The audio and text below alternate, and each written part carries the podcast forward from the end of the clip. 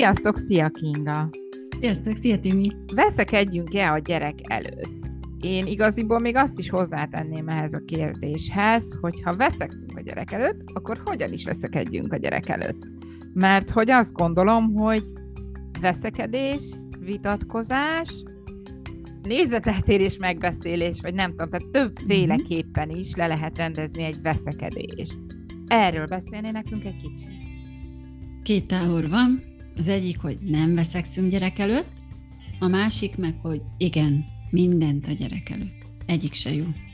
Az, hogy a gyerek előtt nem veszekszünk, nem mutatjuk, hogy nem értünk mindenbe egyet, hanem éljük a külön életünket, ez nagyon sokszor oda vezet, hogy külön mennek a szülők. És ezzel a gyerek nem tud mit kezdeni. Amikor úgy nő föl, hogy elvileg minden rendben, érzi egyébként, hogy nincs minden rendben, mert hogy nincs anya meg apa között megfelelő kapcsolat, vagy nincs is, vagy ilyen vibrálós, tehát hogy érzi azt a feszültséget, de nincs kimondva, ezzel nem tud mit kezdeni a gyerek. Ezt a feszültséget sokszor átveszi, és ő lesz a fekete bárány, hogy miért rossz. És van az a család, ahol meg így mindent. Nyíltan kimondanak, veszekednek, és mindig-mindig ugyanazon a témán mennek körbe-körbe amit már a gyerek is un, és már mondja, hogy hagyjátok abba, és elég volt, és váljatok el, és nem akarom ezt hallgatni. Itt kell megtalálni a középutat. Tehát az, hogy van nézeteltérés a házaspárok között, az egy teljesen természetes dolog. Fura is lenne, nem lenne, mert hogy saját magunkkal se jövünk ki mindig, örülünk is magunkba, hogy kellene már csinálni, nem csináljuk, miért nem csinálom, stb. stb. Az a kérdés, hogy a vita vagy veszekedés az konstruktíve, hogy vissza valamerre, hogy mit hall a gyerek, hogy igen, apa meg anya nem értettek egyet, hangosak, kiabálnak, itt mondjuk nem mindegy, hogy milyen a szóhasználat. Van-e ajtócsapkodás és tányérdobálás? Igen, és hogy mi lesz a vége, hogy akkor megbeszélik-e, hogy le tudnak-e nyugodni szépen, egy, együtt maradnak-e, tehát nem az, hogy akkor az egyik az így elmegy, aztán majd órák múlva jön haza, hanem hogy közös nevezőre jutnak-e.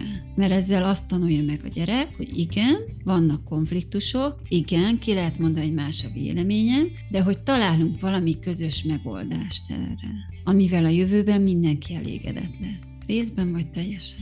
Ezeket a mintákat is tanulják akkor a gyerekek tulajdonképpen, a vita kultúrát, ezt uh-huh. mondhatjuk. Igen, ezt visszük tovább.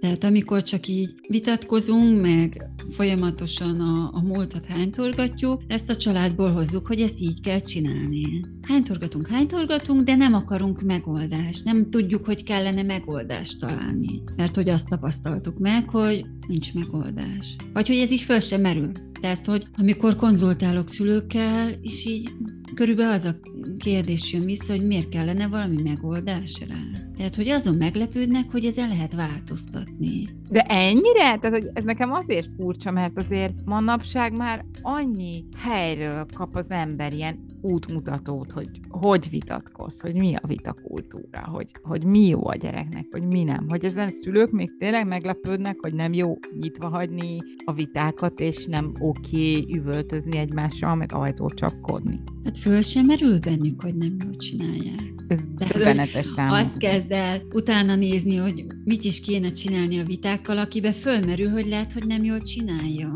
De ha csak azon vitatkoznak, hogy miért nem viszed ki a szemetet, másik meg azt mondja, hogy mert mindig te szoktad, és, és akkor, akkor csapkodás, üvöltözés, majd az az illető, aki mindig szokta, ugyanúgy leviszi a szemetet, és nem Ugyanúgy semmi. leviszi a szemetet, igen. És nem beszélik meg, hogy figyelj, akkor ha megtelt, kiteszem az ajtó elé, és légy szíves, vidd le reggelente, amikor mész a munkába. És akkor erre azt mondja a másik, nem azt mondja, hogy de te is mész, te is leviheted, hanem azt, hogy jó van, drágám, leviszem. És akkor majd megszokja, hogy ott a szemét is leviszi. De akkor nem csinálom meg helyette. És ha megcsinálom, akkor meg nem hánytorgatok. Tehát, hogy itt mind a kettőnek meg kell tanulni egy új módot, viselkedésmódot. Ha fölismerték, és mind a ketten úgy vannak vele, hogy jó, minket zavar, hogy ezen szoktunk vitatkozni, akkor rátanulnak erre az új viselkedésmódra, és nem lesz többé vita. De a nagyon vitatkozós családokat ez élteti, hogy van vita, mert hogy ők ettől könnyebbülnek meg valójában. Hogy volt egy nagy kirobbanás, jó, megvolt, ami szokott lenni, és akkor utána megint lesz nyugi, mondjuk. Addig, amíg újra ki nem csordod a pohár. Uh-huh. És akkor újra ugyanazt lejátszák. És a gyerek ugyanazt kapja napi szinten, heti szinten.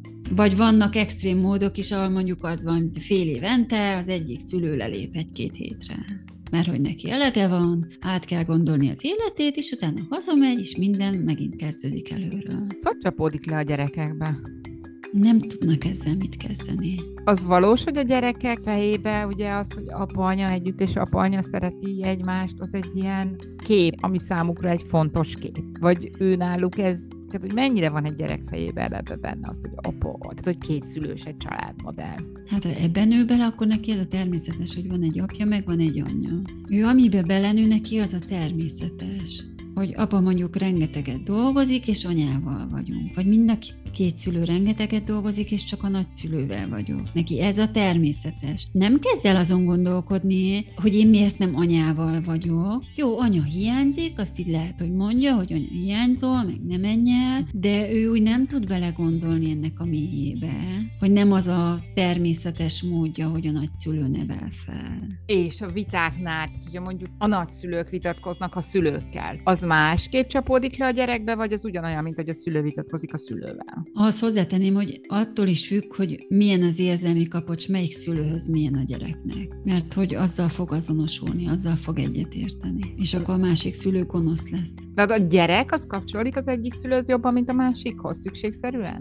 Uh-huh. Minden gyereknek van idézőjelbetéve kedvenc szülője? De igen, tehát hogyha baja van, vagy nagyon fáradt, nagyon nyűgös, akkor van egy, akihez megy. De attól ugyanúgy hogy... szereti a másikat is, csak az egyikhez kicsit jobban kötődik. Igen. És ha van egy vita, akkor ahhoz, akihez szorosabban kötődik, ahhoz fog húzni a vitában is. Uh-huh.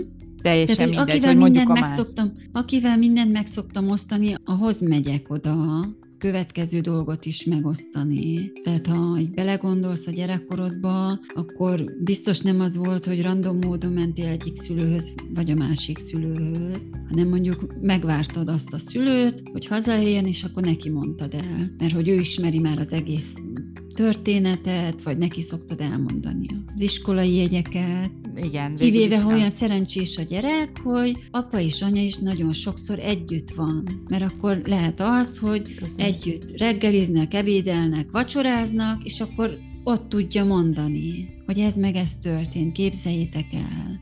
És ez mennyivel kiegyensúlyozottabban hangzik egyébként? Mert ott lehet az, hogy akkor, ha mondjuk az egyik szülő nincs ott, elmeséli a másiknak, és azt mondja, hogy majd mondd el anyának, vagy mondd el apának, hogy ez meg ez történt. Ez az ideális világ, azt mondom, elég kevés családban létezik. Igen. Főleg manapság Sajnos. az együtt vacsorázás, együtt ebédelés. Szerintem ilyen lassan utópia lesz. Jó, de akkor tegyük hozzá, gyerekek is iskolába járnak, úgyhogy... Jó, jó, jó. Az e- együtt ebédelést kiadhatjuk. Ja, ja, ja, de a vacsorák is szerintem elég kevés családba állnak meg. Köszönöm szépen, Kinga! Én is, sziasztok!